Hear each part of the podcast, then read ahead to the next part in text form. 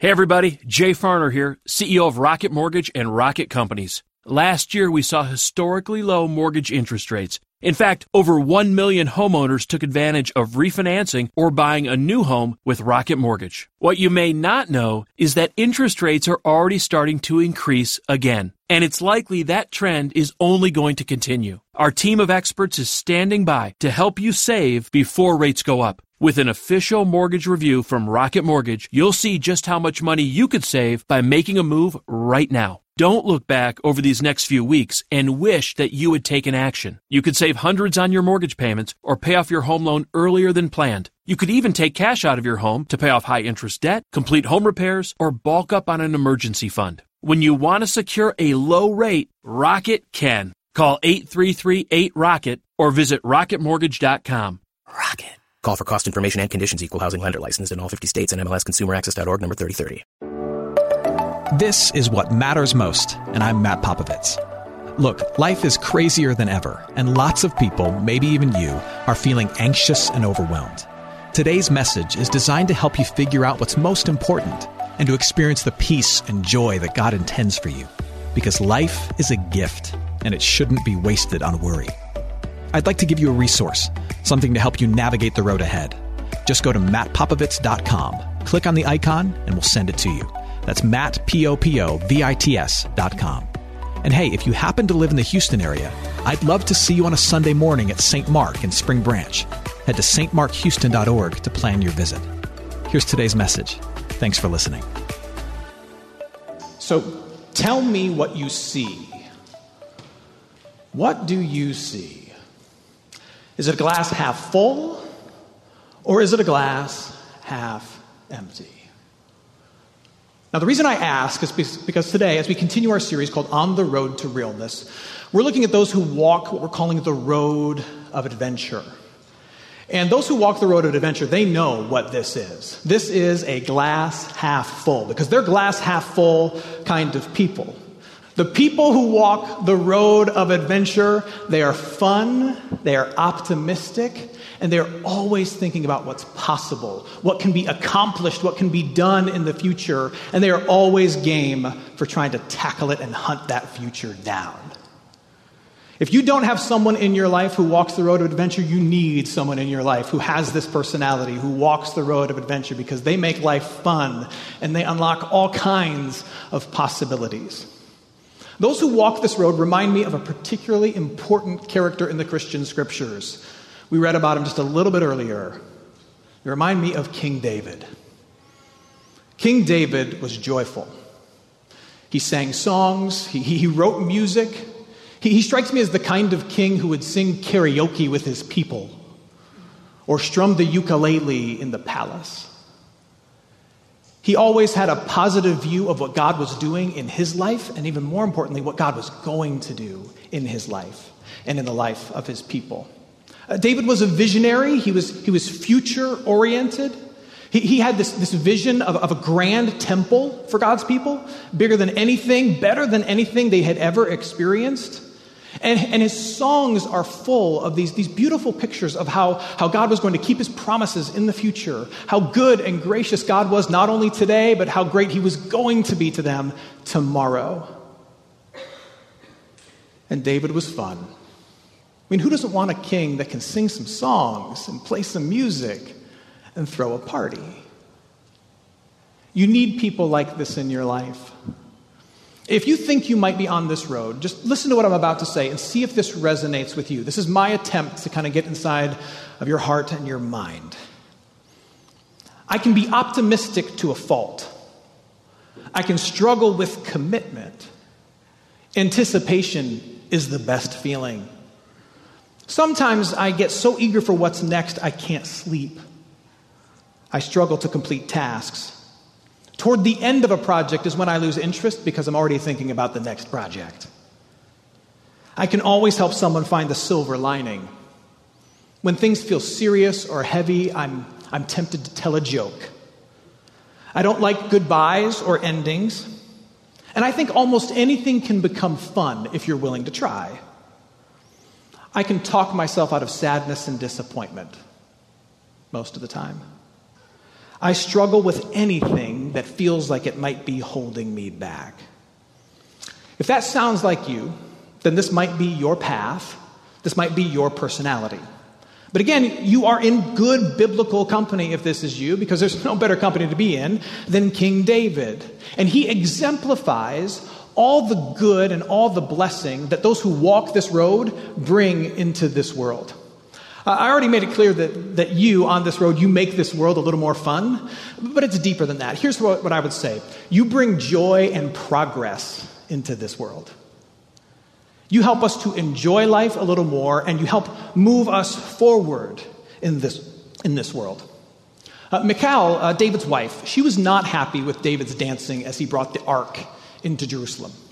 He, he wanted God's presence to be at the center of their life together, and he was excited about the future now that God was present back in the city. And so, so he did what, what anyone on the road of adventure would do. He started to dance. But, but more than that, he kind of danced like a frat boy who'd had a little too much to drink. He, he stripped off a couple layers of clothing and he danced around and he kind of made a fool of himself. And his wife was not pleased with this, but he was undeterred. He was undeterred. He was overwhelmed with joy about what was, God was doing, but more importantly, what God was going to do. And listen to his response once again to his wife. He says this I will celebrate before the Lord. I will become even more undignified than this. David says, Look, babe, if you don't like how I express my joy, then you're going to hate what's to come. Because I believe that God has even more reason for me to be joyful down the road. And you know me, when I'm feeling good, I got to dance. That's what he says. And that, that's what makes life with you so great. You bring joy into the world that's, op- that's, that, that's optimistic and positive and infectious. Not only that, because you're always thinking about what's next, your joy is always future focused. You, you pull us forward into possibilities that, that we never would have thought of before. So, for example, David is just moments after, moments after David brings the ark back into Jerusalem. He's resting at his palace. And rather than just enjoy the fact that the ark has returned to Jerusalem, just a few verses later, he's dreaming. Not like asleep, he's, he's like dreaming of the future, and he's got visions now of a grand temple that should be built. He's not even enjoying his success, he's already thinking about the next one. This is what he says After the king was settled in his palace, David said to Nathan the prophet, Here I am living in a palace of cedar while the ark remains in a tent in Jerusalem. Nathan replied to the king, Whatever you have in mind, go ahead and do it, for the Lord is with you.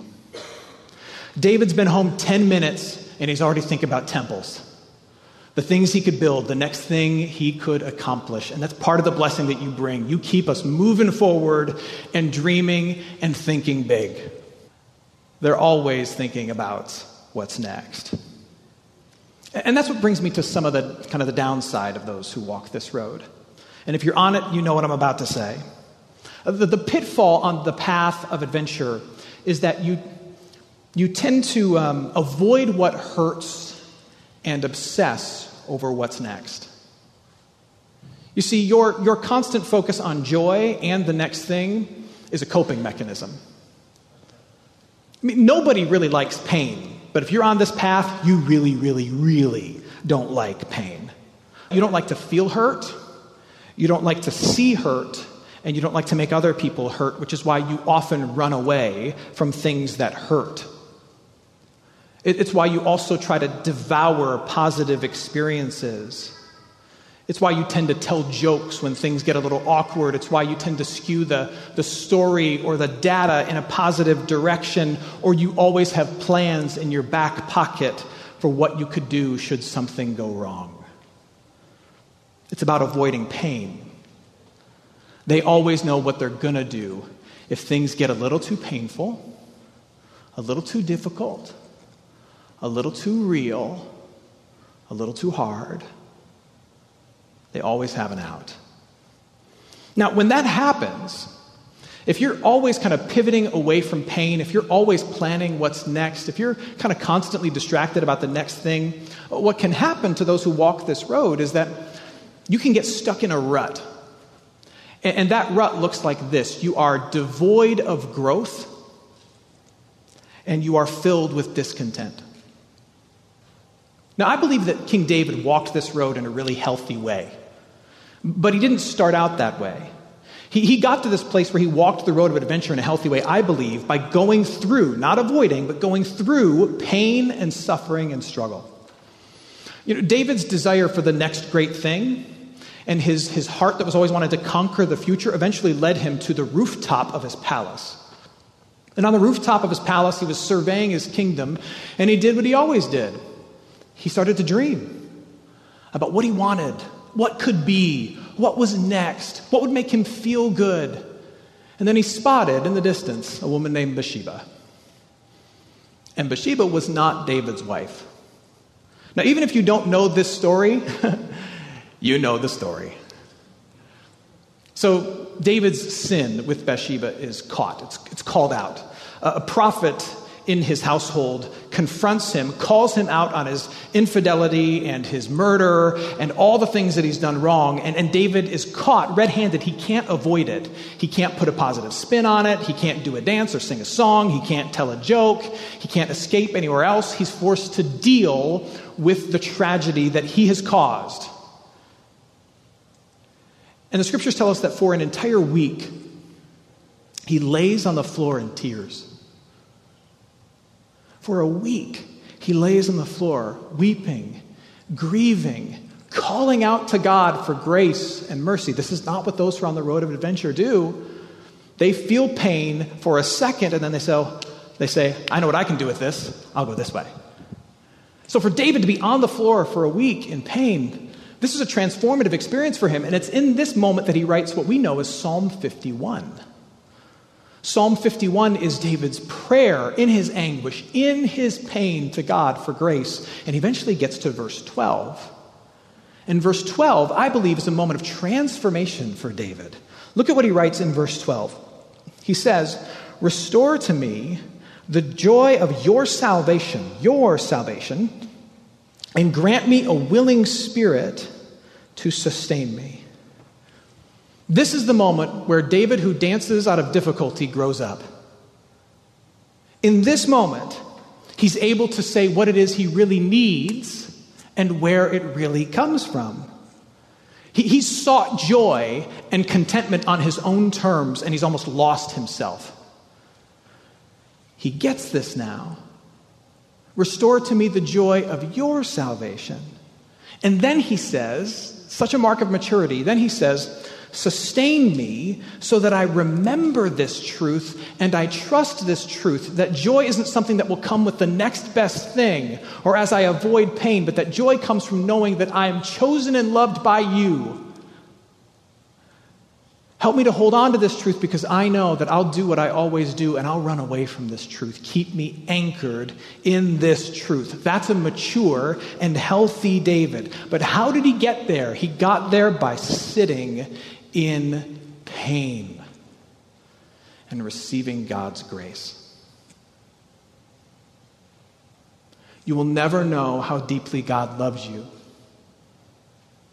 unless you're willing to sit with and confront and come to terms with the hurts, the mistakes, and the regrets that are within you. And to know that God sees all those things and still forgives you and still loves you. That's the place that David got to. And if you're on this road, you can get there too, but you're going to have to take a similar route. I hope you're enjoying today's message. For more of what matters most, you can head to mattpopovits.com. There you'll find other messages. You can support this ministry as well as access your free gift. Oh, and if you're looking for a local church and you live in Houston, come and see what's happening at St. Mark Houston.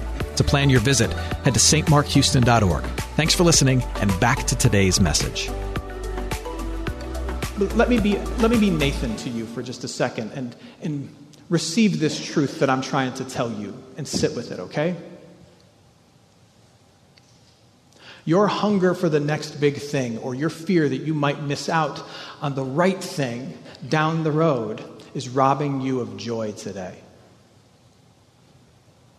Now, now, the good news is that God offers grace upon grace to you in Jesus Christ. And this is the part where you think, okay, this is where Matt's going to tell me I'm forgiven. He can skip this part because the line for brunch is getting real long. But I'm not going to skip it. Jesus Christ has lived, died, and risen to forgive your obsession with the future and your avoidance of what hurts. It's all forgiven. But because it's forgiven, it unlocks two, two powerful truths for you. Two truths that, that I hope and pray that if you're on this road, you will hold on to. Uh, the truths are these that, that because of Jesus Christ, both pain and the present are safe. Pain and the present moment are safe. And the reason I say it like that is because there's an urge in you to think that both those things are bad. But they're not. Because of Jesus Christ, there's no pain that you can encounter that can take away all that He's earned for you. Which means there's no pain that you can encounter that can, that can truly harm you or destroy you in the ways that really matter which means you can, you can sit with it and look at it and wrestle with it. It's not going to pull you under. You're not going to drown and die from it. You can deal with it. Because Jesus Christ has already conquered it. And, and Jesus Christ is the Father's promise that your future is bright. He's, he's not promised to tell you what it's going to be. He's not promised to, uh, to let you control what it's going to be. But, but He's made this promise. Through Jesus Christ, the one who holds the future holds you. And because the one who holds the future holds you, you can hold the present tightly. Without fear of missing out for tomorrow, you can hold the present tightly and say, Lord, what do you have for me today in this conversation with these people in this moment? That's what's true for you in Jesus Christ. And, and that that's where the joy that you so quickly give to others, that's where the joy finally becomes your own. When you're able to grow from pain and be present with us in the moment. And Jesus Christ offers that to you because your pain can't hurt you and your future's secure for you. So be here. Now, now, if you love someone who's on this road, there's, there's a couple things you can do to show them grace, to help them be as healthy as possible on this road. Let me give those to you really quickly. The, the first is this you can be mindful of the expectations you place on them.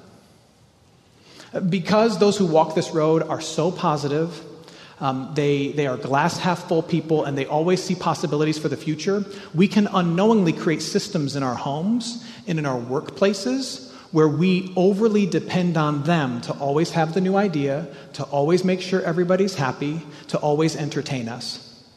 And in doing so, we can enable the very behaviors we're kind of asking them to let go of for the sake of their own health. So examine how you might be part of a problem with this person not ever being able to be present because you're always asking them to think for the future, or not ever being able to be with their hard feelings because you're always asking them to bring the happy ones. The, the other thing is that you can hold their hand through hard things. They're going to want to run from those things. But when your spouse comes home from work and they've had a really bad day and they don't want to talk about it, give him, give her space to think about it and feel it. Also, don't let them jump immediately into entertaining all of you as a way of avoiding their anger about the day that's gone by.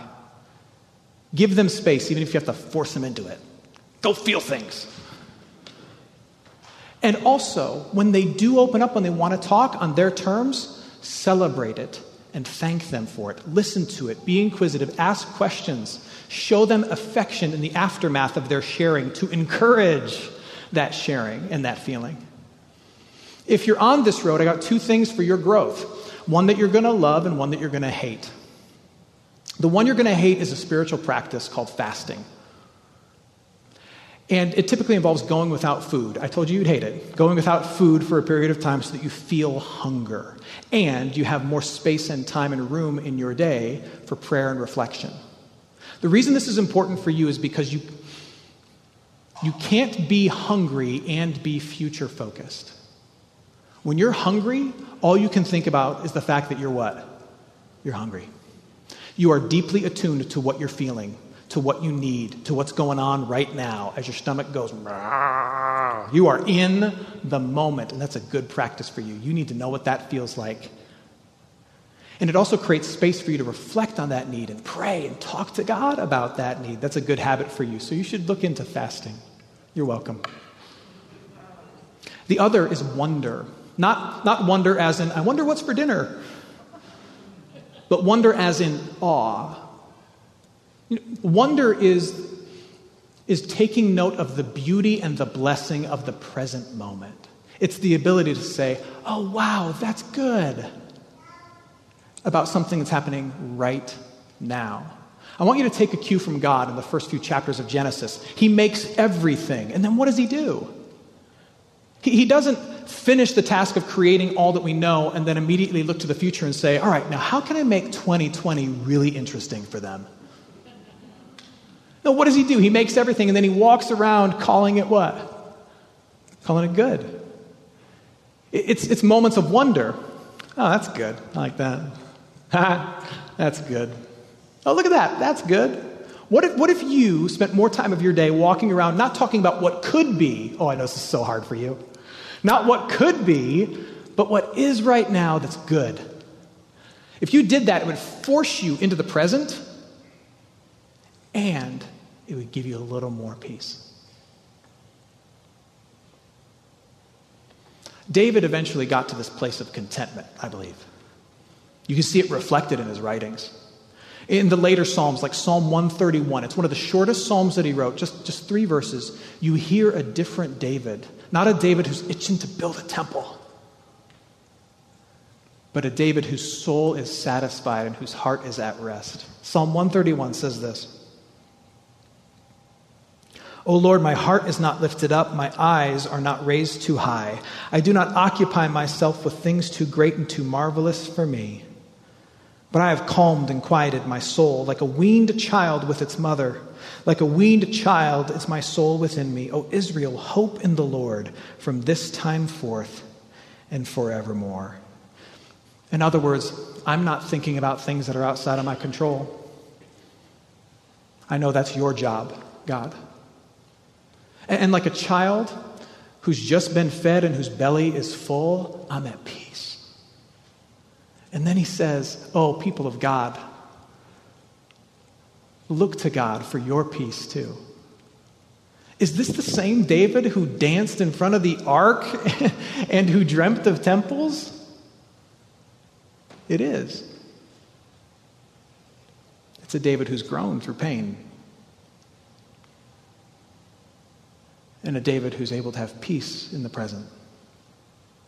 And that's you too. That's you because of Jesus Christ, who's forgiven every sin and who has said to you, both your pain and the present moment are safe.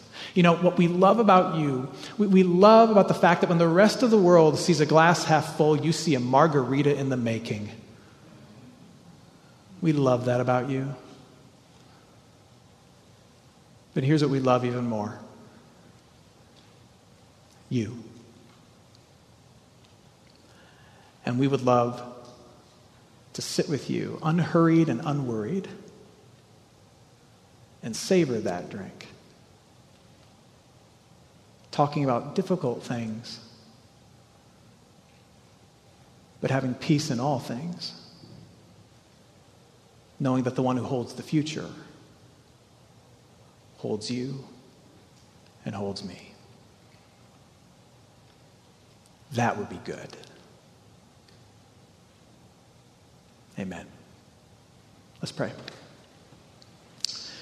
Heavenly Father, we thank you for those people in our life who walk this road, who bring so much joy into our lives, who bring so, much, so many ideas and possibilities into our lives. And Lord, we, we, like you, want what's best for them. We want them to experience real joy and lasting peace. And so, Lord, whatever you need to do in their hearts and their minds for them to achieve that and, and accomplish that, we ask that you would move and work in that. Lord, help them to know that, that the future is in your hands and so they can be fully present today. And help them to know that the life they long for actually comes through, through walking through pain and difficulty, holding on to the grace of Jesus Christ. In whose name we pray all these things. Amen. Hey, it's Matt. I hope you enjoyed what matters most. Here's what I need you to know life is a gift, and it shouldn't be wasted on worry. I want to help you figure out what's most important and to experience the peace and joy that God intends for you. So, for more content, you can head to mattpopovits.com. That's Matt, P O P O V I T S.com. There, you can also support this ministry as well as access your free resource, a little something to help you navigate the road ahead. I'd also love to see you on a Sunday morning. If you're in the Houston area, head to stmarkhouston.org to plan your visit. In the meantime, hit me up on Instagram at mpopovits or at facebook.com slash Matt Popovits Ministries. Thanks for listening. Now go and hold tight to what matters most.